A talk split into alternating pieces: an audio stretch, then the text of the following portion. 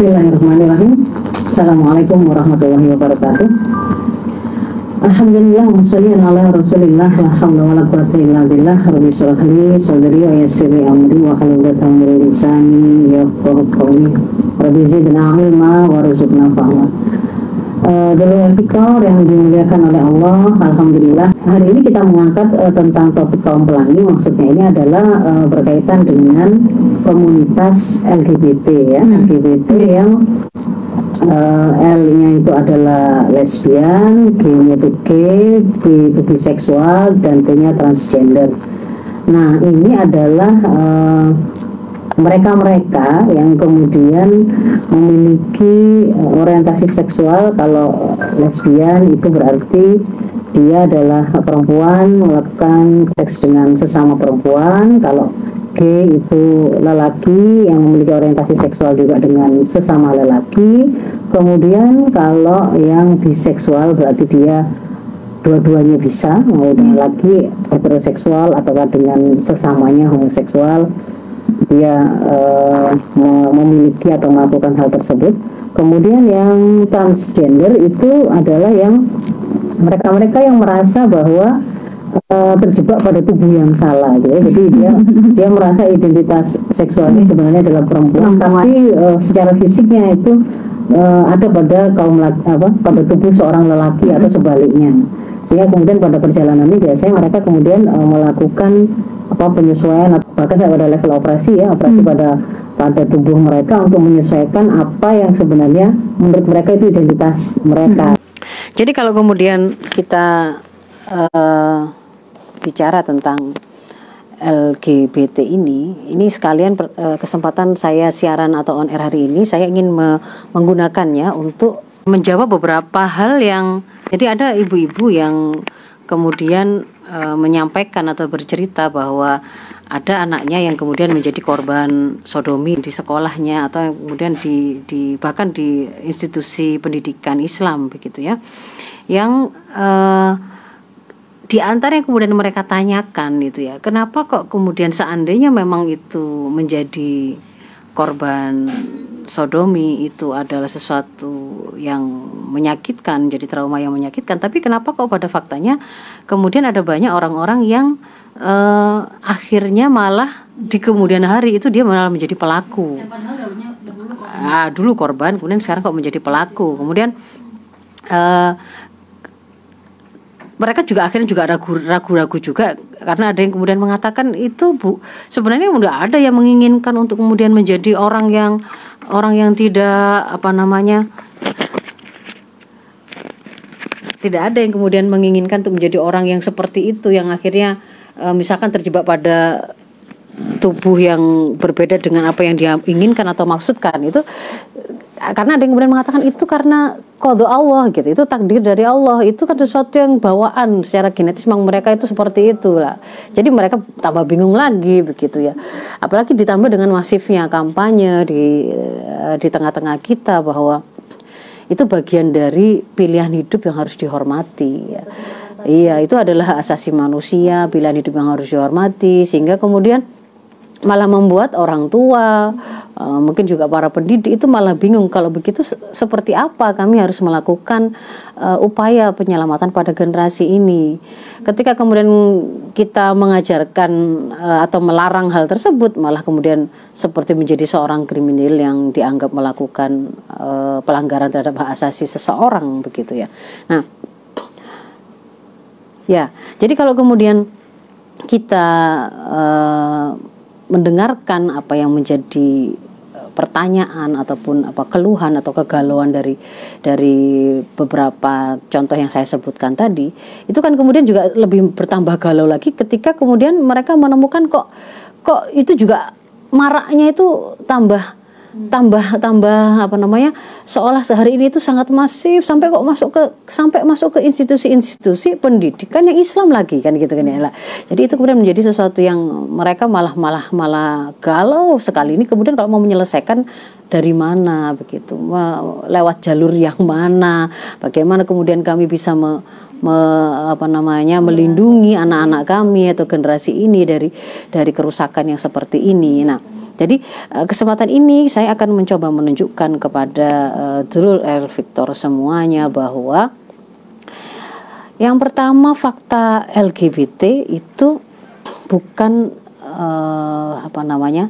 Jangan salah paham dia itu bukanlah uh, penyakit menular seperti sebuah sebuah apa namanya sebuah infeksi karena virus atau bakteri yang kemudian dengan hmm. memang bukan dengan bukan dengan apa namanya uh, kita bergaul jejeran tinggal di satu daerah itu kemudian akan tiba-tiba tiba-tiba kemudian uh, tertular gitu ya seperti seperti penyakit yang dibawa oleh agen agen-agen penyakit tertentu seperti virus atau bakteri tidak hmm. dia adalah sebuah uh, perilaku dia adalah sebuah uh, penyimpangan perilaku begitu ya.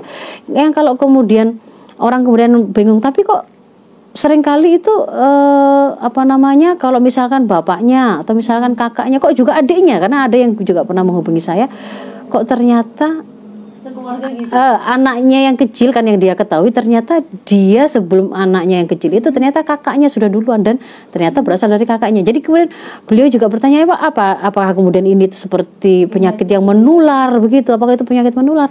Tidak. Jadi tidak bahwa kemudian nanti ini uh, si perilaku LGBT ini juga sangat berkelindan dengan penyebaran infeksi uh, menular seksual yang biasa kemudian terjadi seperti HIV AIDS ataukah kemudian uh, seperti sifilis ataukah yang lain itu ya. Itu itu itu berbeda begitu ya. Itu bukan menularkan perilaku LGBT-nya tetapi uh, memang ketika perilaku LGBT itu tadi itu dilakukan karena di situ ada gonta-ganti pasangan atau di situ ada perilaku sesama jenis ya perilaku seksual sesama jenis yang memang kemudian sangat uh, beresiko untuk kemudian kalau salah satu misalnya sudah terinfeksi begitu ya ada ada virus HIV pada tubuhnya memang kemudian akan sangat mudah untuk menularkan kepada pasangannya itu untuk infeksi menular seksualnya. Tetapi kalau kalau menjadi gaynya, menjadi homoseksualnya itu bukan bukan bukan karena ada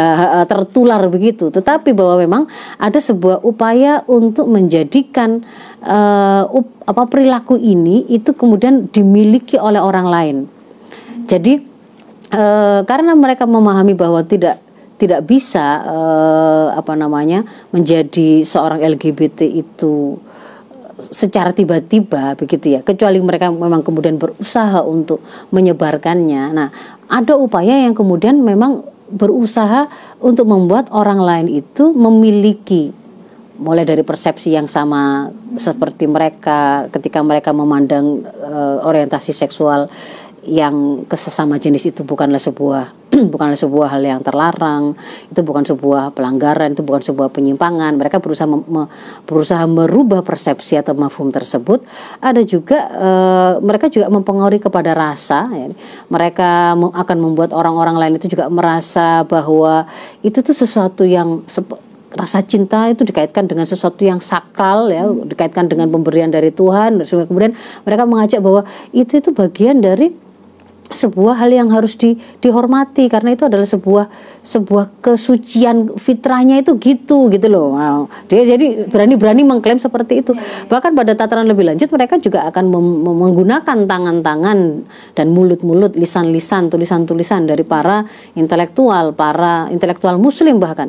Yang kemudian uh, mereka berani menjual ayat-ayat Allah dengan harga murah untuk seolah-olah ada legitimasi yang diberikan oleh agama ini bahwa memang menjadi LGBT itu adalah sesuatu yang seolah-olah itu adalah syar'i atau dibolehkan oleh syariat. Ada dukungan. Ada dukungan. Misalkan bahwa ada yang kemudian mulai berani menafsirkan uh, ayat tentang bahwa Allah menciptakan kalian itu berpasang-pasangan itu kan. Mereka kemudian mengatakan itu kan tidak disebutkan di situ berpasangan itu harus dengan lawan jenis gitu. Tapi hanya dikatakan berpasangan begitu ya. Lalu kemudian dikaitkan dengan dikaitkan dengan uh, in akromakum in the way at kokum gitu ya.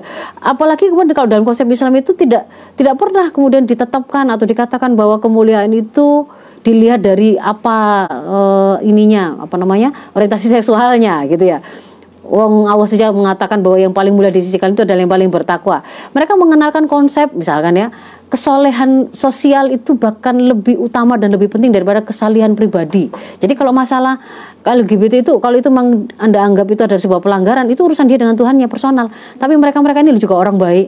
Mereka ini juga melakukan apa namanya menolong menolong bencana, mereka juga e, bertetangga dengan baik. Jadi itu akhirnya memang membuat semakin kabur di tengah-tengah umat ini pemahaman yang benar itu seperti apa. Sisi yang lain itu juga kemudian akan semakin lama ya mereka juga menggunakan jalur uh, jalur kampanye atau edukasi supaya orang itu merasakan memiliki perasaan yang sama dengan mereka, menerima, senang juga, merasa tidak apa-apa. Itu dengan melalui berbagai macam media gitu ya.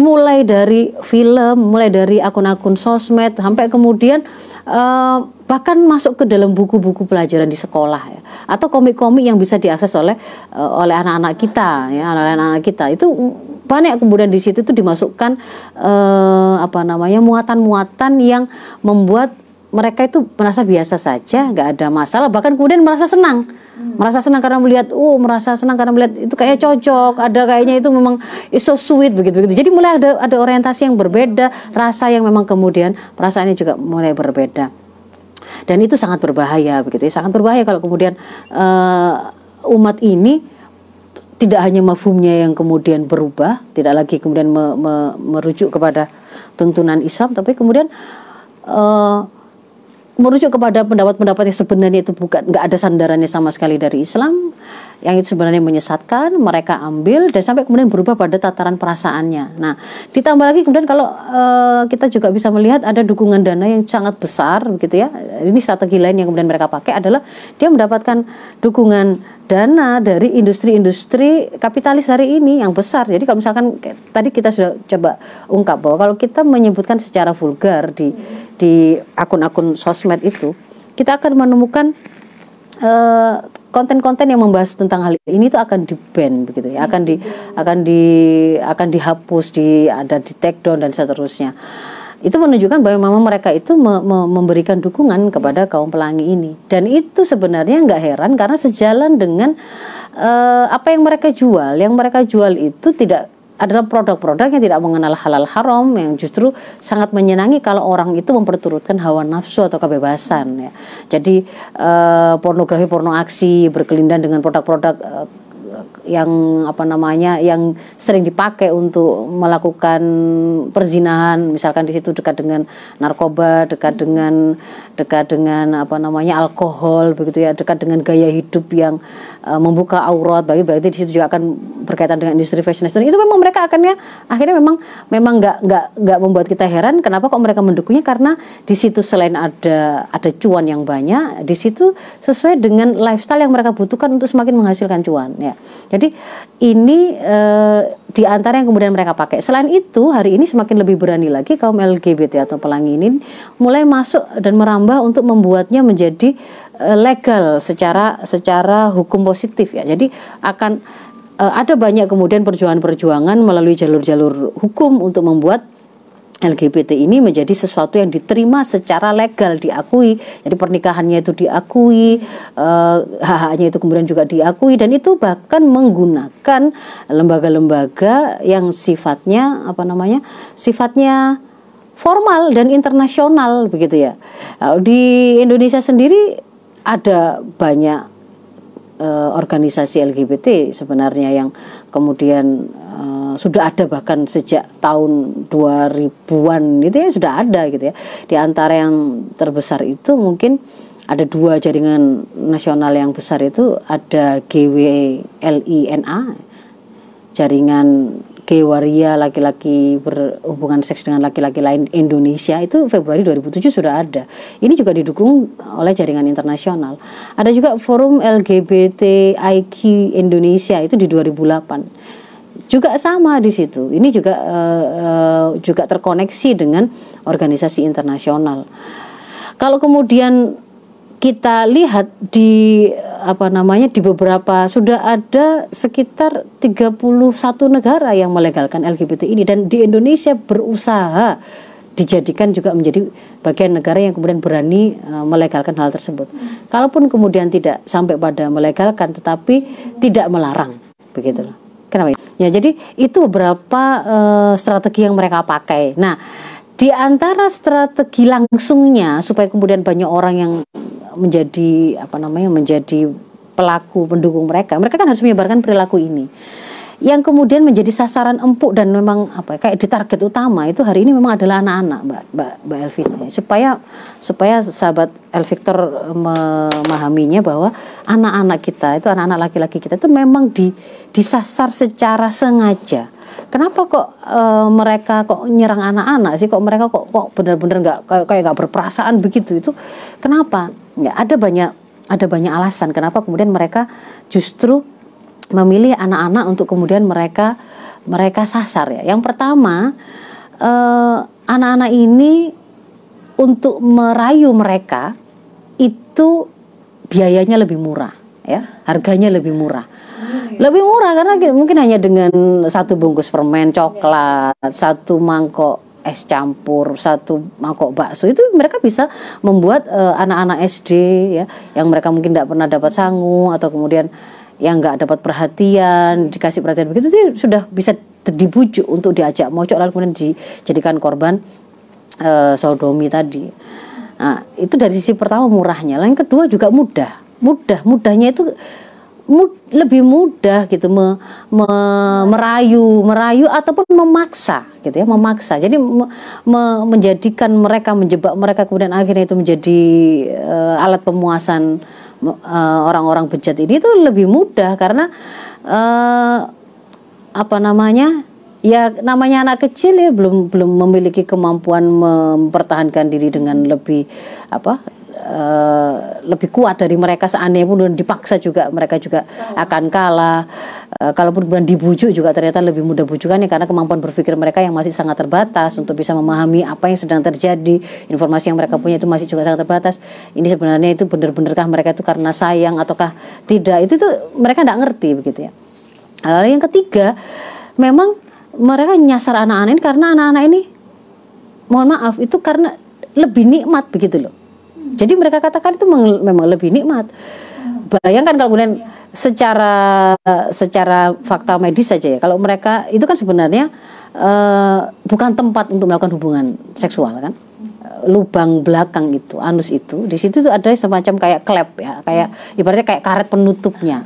Karet penutupnya itu tuh seharusnya itu uh, dia punya kemampuan untuk untuk apa namanya untuk kemudian dia itu bisa menutup rapat dan tidak itu tuh ada ada ada kapasitasnya. Dan ketika ketika itu dimasuki oleh benda yang yang sesuatu yang sangat keras yang melebihi kemampuan dia untuk me, uh, menahannya itu memang akhirnya lama-lama kan kendor gitu ya. Hmm. Dan dan banyak pada kasus-kasus orang-orang gay begini, homoseksual begini nih pelaku-pelaku hmm. kaum nabilut begini nih yang memang sphincter anus mereka ini itu sudah rusak ya sudah sudah longgar sehingga kemudian misalkan BAB-nya itu ya merembes dan seterusnya. Hmm. Nah, anak-anak itu akhirnya kemudian menjadi sasaran empuk mereka untuk mendapatkan kenikmatan yang lebih gitu ya. Hmm. Itu alasan yang ketiga. Yang keempatnya ini ja, apa uh, efek jangka panjangnya bisa mereka dapat ya. ya efek jangka panjangnya itu kalau kemudian anak-anak ini yang kemudian mereka mereka apa namanya jadikan sasaran uh, mereka akan bisa menjadi agen untuk menyebarkan perilaku itu di masa datang kan masih panjang. Ya. ah gini jangan jangan salah ya. Sebenarnya bukan karena rasa dendamnya justru ya. Karena ketika mereka itu sebenarnya disodomi, mereka itu juga dipastikan oleh orang-orang yang menginginkan supaya perilaku ini itu menyebar itu dengan cara dipuaskan. Jadi sang anak-anak korban itu dipuaskan. Jangan dikira nggak dipuaskan. Jadi mereka itu dipuaskan sehingga memang kemudian akhirnya me, uh, me, me, sama seperti orang yang mendapatkan kepuasan begitu ya. Kalau caranya kita tidak perlu bahas ya bahwa itu dipuaskan sehingga membuat ada sebuah memori tentang uh, apa kenikmatan seksual yang menjadi pengalaman pertama bagi anak-anak itu. Jadi bayangkan mereka tidak pernah mendapatkan gambaran atau bayangan tentang uh, kenikmatan hubungan seksual, lalu itu menjadi pengalaman pertama dan itu tercatat dalam memori mereka bagaimana kenikmatannya. Jadi memang juga ter, sampai dilepaskan uh, hormon-hormon yang membuat senang seperti hormon endorfin itu memang sama begitu. Dan itu yang akan membuat sang anak-anak tadi itu uh, menjadi penerus ya. Iya, karena dia akan me- dia akan menjadikan itu sebagai ibaratnya seperti warna dasar mereka ketika mau memahami kenikmatan seksual, kenikmatan hubungan seksual di fase-fase berikutnya kan. Karena itu adalah pengalaman pertamanya. Nah, di situlah kenapa kemudian mereka memang akhirnya benar-benar menyasar namanya anak-anak ini. Nah, itu yang kemudian benar-benar orang tua memang harus waspadai. Memang disasar gitu loh, disengaja. Mereka akan terutama sekali mencari anak-anak yang eh, kesepian, yang tidak dapat perhatian, tapi dia punya koneksi eh, wi- eh, internet yang terus-terusan.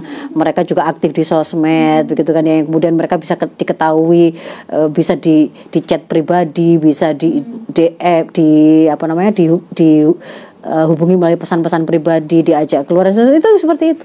Atau kalau kemudian yang mau apa namanya memanfaatkan pengaruhnya gitu ya. Ya itu mungkin eh, hubungan yang sifatnya eh, apa namanya satunya itu gurunya satunya muridnya atau kemudian itu dosennya atau mahasiswa itu juga bisa dia, dia akan menggunakan ancaman-ancaman eh, karena posisi dia yang lebih tinggi. Ya itu yang seperti itu yang kemudian terjadi. Makanya kemudian kalau kita lihat eh, ketika kemudian akhirnya seseorang itu pernah menjadi pro, apa korban dari eh, perilaku bejat ini itu kan jadi seperti kayak Dracula yang habis dicucup Dracula gitu. Manusia yang dicucup Dracula gitu kan ya. Jadi kan biasanya kan kalau sudah di disedot darahnya oleh Dracula itu kemudian dia kan jadi Dracula berikutnya. Ya itu karena itu tadi gitu ya. Jadi memang mereka di dibikin untuk merasakan memiliki perasaan yang sama. Dan nanti kemudian juga diinstal itu pemahaman persepsi yang salah itu kepada mereka bahwa tidak apa-apa, ini nggak masuk dan seterusnya itu. Sementara anak-anak itu masih kosong dari pemahaman yang benar.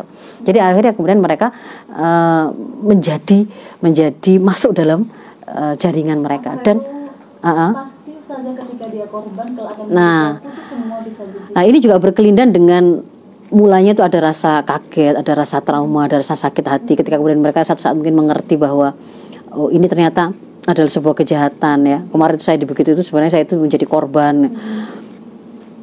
Trauma ini itu apakah kemudian pasti akan mengantarkan mereka menjadi eh, pelaku? Ya tidak, tetapi usaha untuk mem- memutuskannya, menyembuhkannya atau kemudian bahasa kita itu mau tabatan nasuha itu memang benar-benar berat ya, harus kuat. Dia memang harus benar-benar sudah bisa melihat kesalahan masa lalu itu itu memang sudah bisa dia terima bahwa memang pernah terjadi. Itu bagian dari kota Allah yang dia mungkin kalau sudah jadi masa lalu kan tidak bisa dia rubah.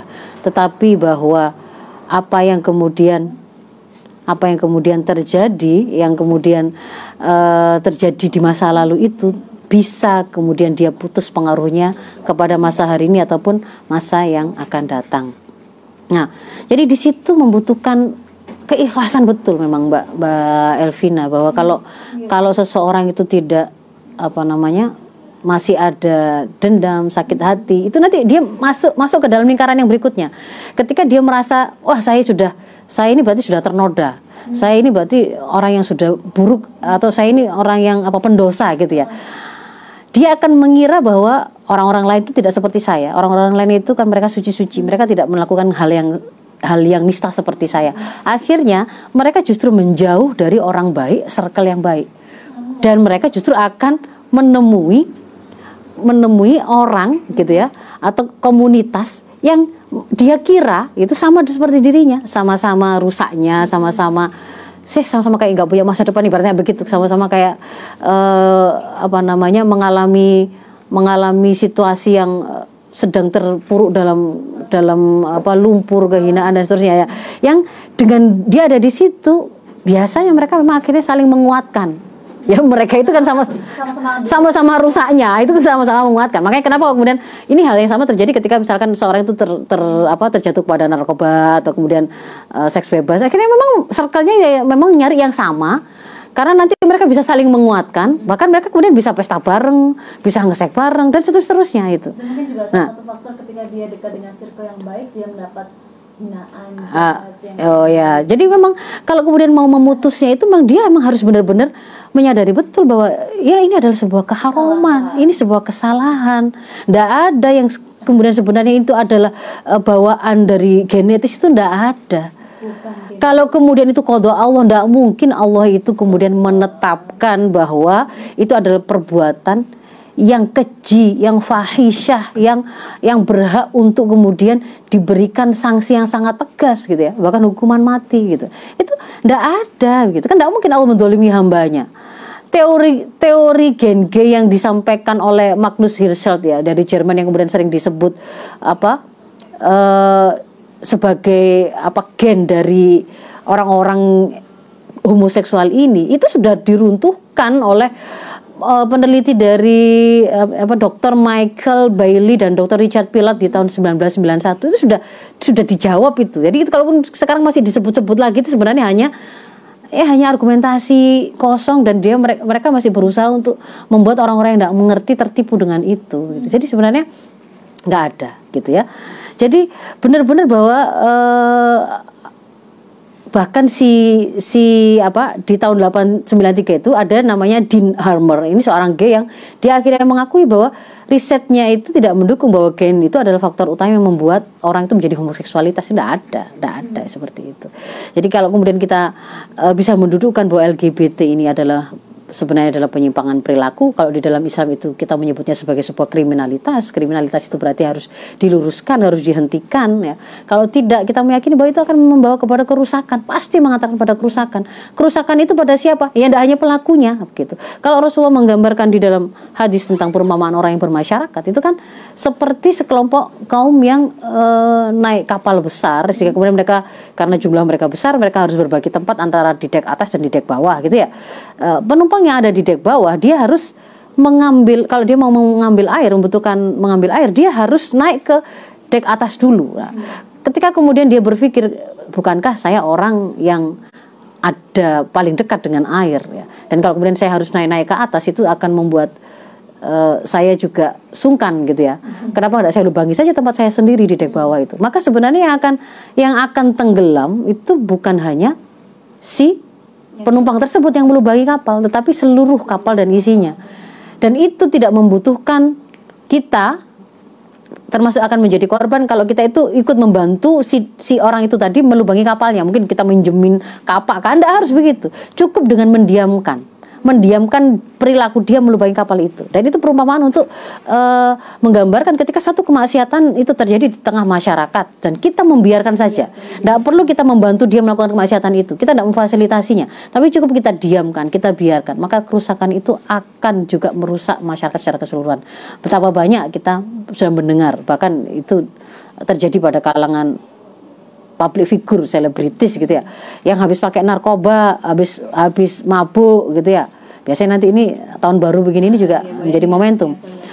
ketika kemudian mereka itu me, melakukan apa namanya memakai narkoba tadi atau kemudian mereka me, memabuk tadi itu kemudian ketika mereka naik mereka mereka me, apa namanya menyetir kendaraan di jalan itu bisa yang kemudian menjadi korban ditabrak itu tidak hanya orang-orang yang kemudian harus dia kenal begitu kan ya tidak harus dia kenal tetapi siapa pun bahkan tidak pernah bertemu dan tidak kenal dengan dia juga bisa menjadi korban. Demikian pula ketika ada misalkan seorang artis ya, dia membuka auratnya dia melakukan um, produksi film porno misalkan lalu kemudian ada naluri seksual yang ter apa terbangkitkan di situ oleh perilaku atau film porno dari sang artis tadi maka yang akan jadi korban untuk menjadi sasaran pemenuhan dari uh, penonton yang terbangkitkan naluri seksualnya oleh sang artis tadi itu tidak harus sang artis gitu loh, tidak harus sang artis. Wong Wong menunggu artis tadi lewat di rumahnya itu kapan dia akan kesulitan kan? Maka yang mudah siapa? Oh ada nenek-nenek di sebelah rumahnya. Oh ada anak kecil yang kemudian juga mudah untuk dia dia bekap dan seterusnya. Itu yang kemudian menjadi korban. Jadi ini menunjukkan bahwa kalau kemaksiatan itu terjadi di tengah masyarakat kita biarkan, maka itu akan merusak siapa pun, merusak semuanya. Ya. Kita, jadi kalau misalkan kemudian uh, kita merasa apa namanya harusnya perasaan yang kita punya itu ya kita setuju tidak setuju kita suka tidak suka kita merasa uh, sep, apa namanya merasa ridho tidak ridho itu harusnya disesuaikan dengan uh, pemahaman yang kita punya pemahaman yang kemudian diajarkan oleh syariah ini. Kita menghukumi zina itu haram. Sesuatu yang buruk, sesuatu yang tercela. Itu juga bermakna bahwa perasaan kita itu harusnya juga merasa tidak suka kalau kemudian ada orang yang melakukan perbuatan tersebut. Ya. Kalau kemudian ada perbuatan tersebut dilakukan di tengah-tengah masyarakat dia tidak suka dia tidak ridho kenapa kan dia paham bahwa itu adalah sebuah kerusakan begitu ya sehingga nggak harus nggak harus saya nggak suka kalau yang jadi korban itu istri saya atau anak saya tidak harus. Tetapi karena di dalam Islam itu memang di tengah-tengah masyarakat itu memang ada kewajiban untuk menjaga masyarakat itu tetap dalam, tetap dalam keadaan kondusif. Maka di situ memang ada sebuah kewajiban yang namanya amar ma'ruf nahi munkar di tengah-tengah masyarakat. Gitu ya. Harus ada uh, upaya untuk me menjaga masyarakat ini tetap lurus, tetap ada dalam uh, situasi yang itu sesuai dengan apa yang dituntunkan oleh syariah ini. Tidak boleh kemudian di situ ada kemaksiatan, ada kesesatan dibiarkan. Karena karena sekolah uh, karena masyarakat itu sebenarnya sekolah besar dari generasi. Mereka uh, uh, mereka belajar tentang apa menjadi seorang homoseksual, menjadi seorang LGBT itu tidak di sekolah.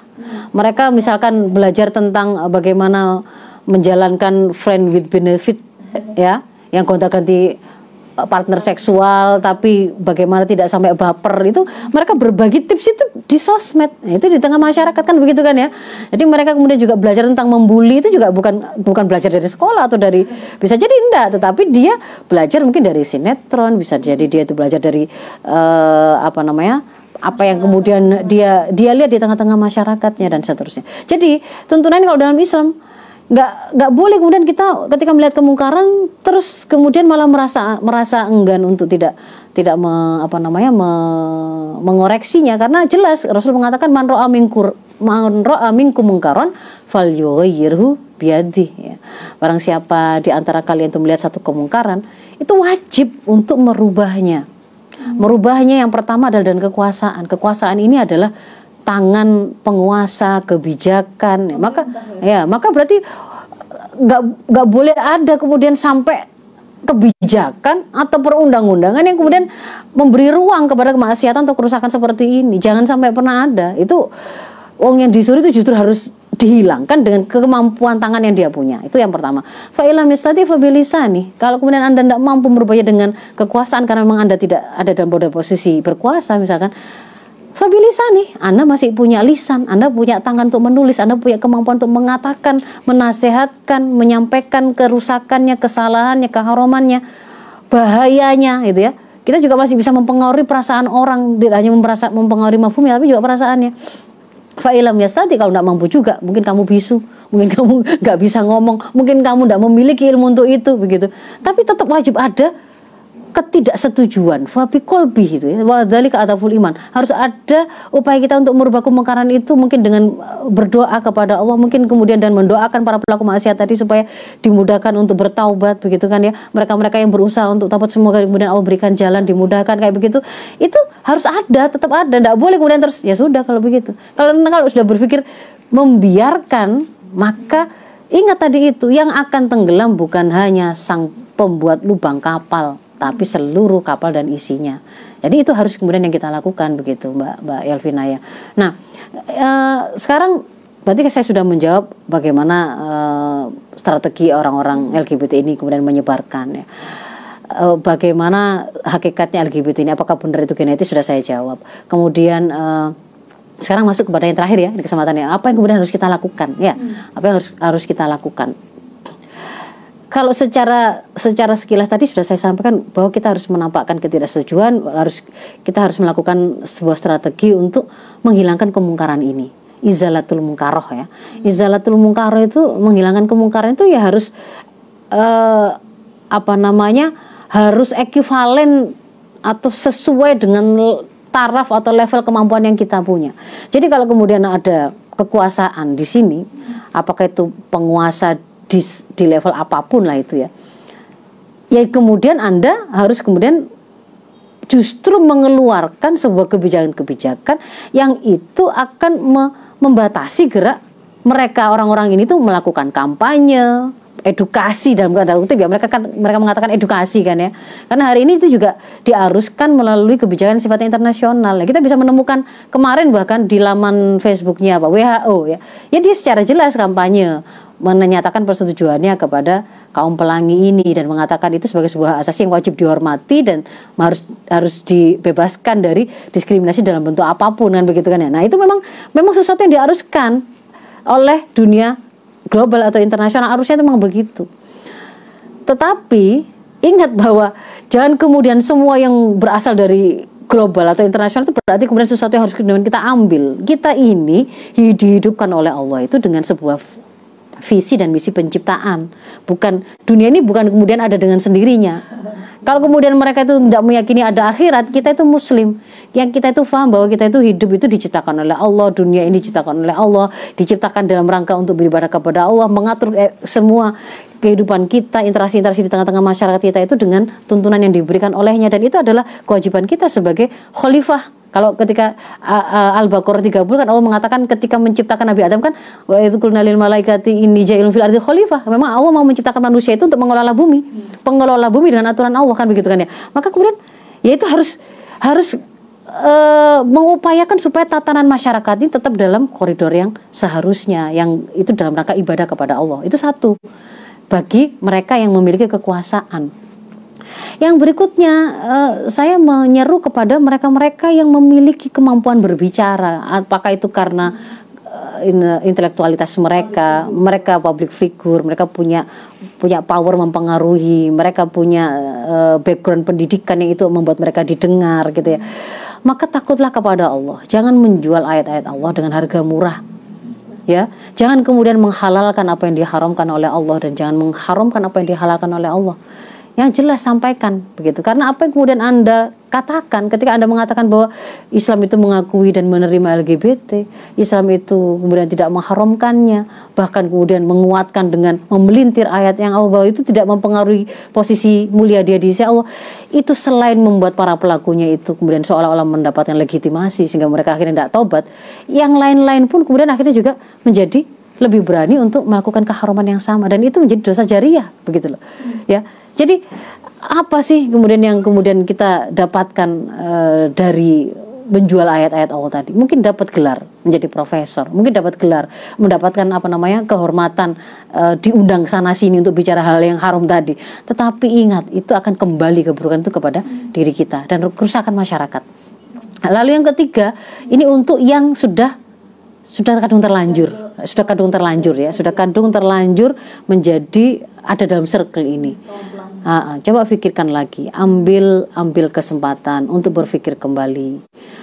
Apakah memang benar bahwa kita itu hidup diciptakan itu tanpa ada maksud? Hmm. Apakah benar bahwa kalau kemudian uh, kita itu sudah kadung melakukan satu kemaksiatan atau kesalahan di masa lalu itu artinya sudah tertutup kebaikan kita di akan di masa akan datang tidak jadi terutama sekali dengarkan untuk mereka-mereka kaum muslimin anak-anak muda Islam yang kemudian mereka terjebak di sini, Anda masih bisa selamat, Anda masih bisa kembali ke jalan benar, Anda masih bisa mendapatkan kemuliaan itu di sisi Allah. Satu-satunya jalan itu taubatan nasuha.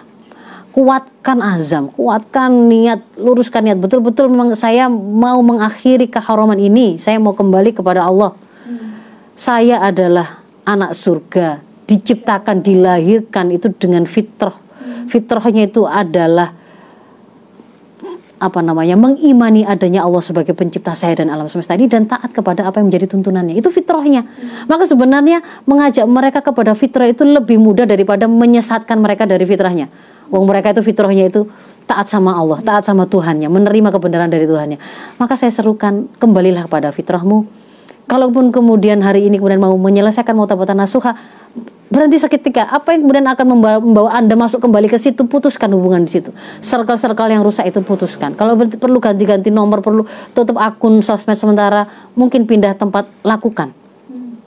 Lakukan itu jangan kemudian membuka peluang untuk kemudian tergoda lagi ke sana gitu ya tergoda ke sana dengan mungkin mengakses akses tontonan-tontonan yang itu mungkin akan membuat anda tergoda kembali tutup rapat-rapat itu mulailah hidup baru yakini bahwa Allah itu sangat menunggu taubat anda. Kalau dalam sebuah hadis kudus itu kan digambarkan kegembiraan Allah menyambut hambanya itu bertaubat itu seperti jauh lebih besar dari kegembiraan seseorang yang sedang dalam perjalanan e, membawa kudanya yang lengkap dengan isian gitu. Lalu kemudian dia karena kelelahan dia tidur di hutan ternyata waktu e, apa apa namanya dia kehilangan dia kehilangan kuda isinya tadi bekalnya dia. Dia mencarinya sudah ke mana-mana kelelahan sampai dia ketertidur tidak menemukan. Begitu bangun ternyata ada, di situ. Ketika temukan kembali kuda isinya lengkap. Maka itu kan dia gembira banget. Kegembiraan Allah menyambut hamba-hambanya yang bertaubat. Itu jauh lebih besar dari itu. Kalau dosa kita segunung, ampunan Allah itu jauh lebih besar dari itu. Ini harus jadi Baik, Dulur Alfiktar, kita lanjutkan kembali kajian hari ini bersama dengan guru kita, Ustazah Faizah tentang selamatkan generasi dari kejahatan kaum pelangi. Masih ada waktu 5 menit Ustazah. Mungkin singkat eh, satu pertanyaan sebagai penutup sebelum doa juga untuk memberantas kaum pelangi. Apakah juga bisa dimulai sejak eh, dideteksi sejak dia masih berusia kanak-kanak dan itu bagaimana menyikapinya Ustazah agar tidak bias, tidak menjadi penerus hingga dia dewasa begitu. Ya, jadi kalau kita mau mengakhiri apa namanya atau mencegahnya ya sejak dini, ini kerjanya itu bukan kerja perorangan atau hanya menjadi tanggung jawab dari orang tua saja, Mbak Mbak Elvina ya. Jadi memang harus semua pihak itu terlibat di situ, mulai dari level orang tua, keluarga, nanti ada sekolah karena di situ ada itu adalah mekanisme untuk me- mentransfer sakofa atau pengetahuan atau informasi yang benar yang dibutuhkan oleh generasi ya dalam kurikulum yang terstruktur. Nanti juga di- juga ada peran masyarakat di situ untuk kemudian melakukan amar ma'ruf nahi munkar atau meluruskan hal yang salah dan kemudian me- mencegah sebuah kemungkaran itu terjadi di tengah-tengah mereka dan juga ada peran negara sebagai penerap sistem atau aturan termasuk menjatuhkan sanksi yang menjerakan bagi para pelaku kemaksiatan ini yang masih masih apa bandel gitu ya.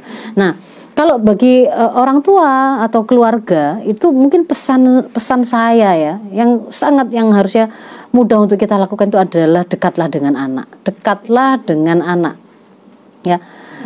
Jadi ya fahami sadari bahwa penanggung jawab utama pendidikan anak-anak kita itu adalah orang tua. Ma min mauludin illa yuladu alal fitrah fa abawahu yuhawidani au yunasirani au yumajisani. Tidaklah dilahirkan satu bayi pun gitu ya, satu anak pun kecuali dia itu terlahir dalam keadaan fitrah. Jadi sebenarnya mereka itu tidak ada membawa penyimpangan dari awal itu tidak ada. D- tapi kemudian yang paling eh, akan berpengaruh untuk bisa membuatnya akhirnya bisa tersesat dari fitrah tadi apakah jadi Yahudi, Nasrani atau Majusi itu adalah orang tuanya. Artinya apa? Orang tua itu memang jawab utama pendidikan anak gitu ya.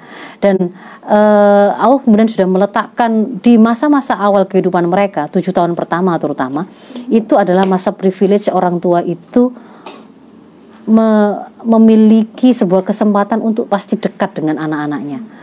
Dan memang pada usia-usia pertama itu adalah eh, masa awal mereka meletakkan warna dasar dari kepribadian sang anak.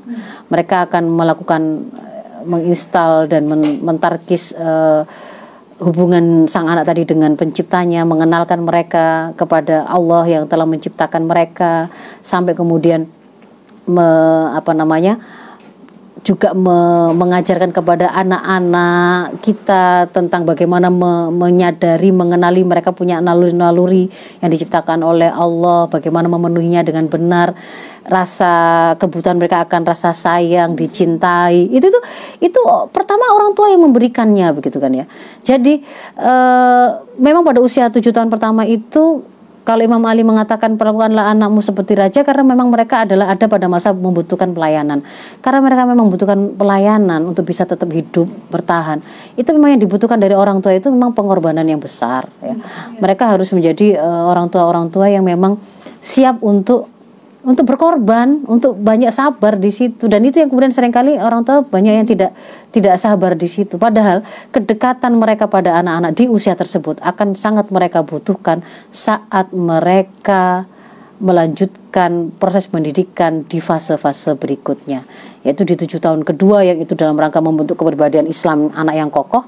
Kalau mereka tidak dekat mereka tidak akan pernah sanggup tegas kepada anak termasuk misalkan kalau hari ini gitu ya. Kenapa kok anak-anaknya sudah SMA kemudian pacaran bablas atau kemudian mereka sudah jadi mereka membuka aurat mereka juga berzina. Orang tua kok nggak nggak merasa sanggup untuk mengingatkan atau kemudian menasehati? Karena dia itu bingung gitu ya dia itu dia tidak dekat gitu dia bahkan mau mengatakan sesuatu untuk memberi nasihat karena saya itu loh tidak sanggup karena dianggap oleh sang anak tadi itu bukan ungkapan sayang. Nah itu karena mereka tidak dekat. Maka dekatlah pada anak. Nanti kalau di usia dini ini mereka kan menjadi sasaran dari para LGBT ini ya. Maka nanti akan kalau kita dekat kita akan bisa mendeteksi anak saya ada sesuatu gitu ya. Saya kira itu mungkin itu yang bisa saya sampaikan. Mohon maaf uh, dulu El Victor.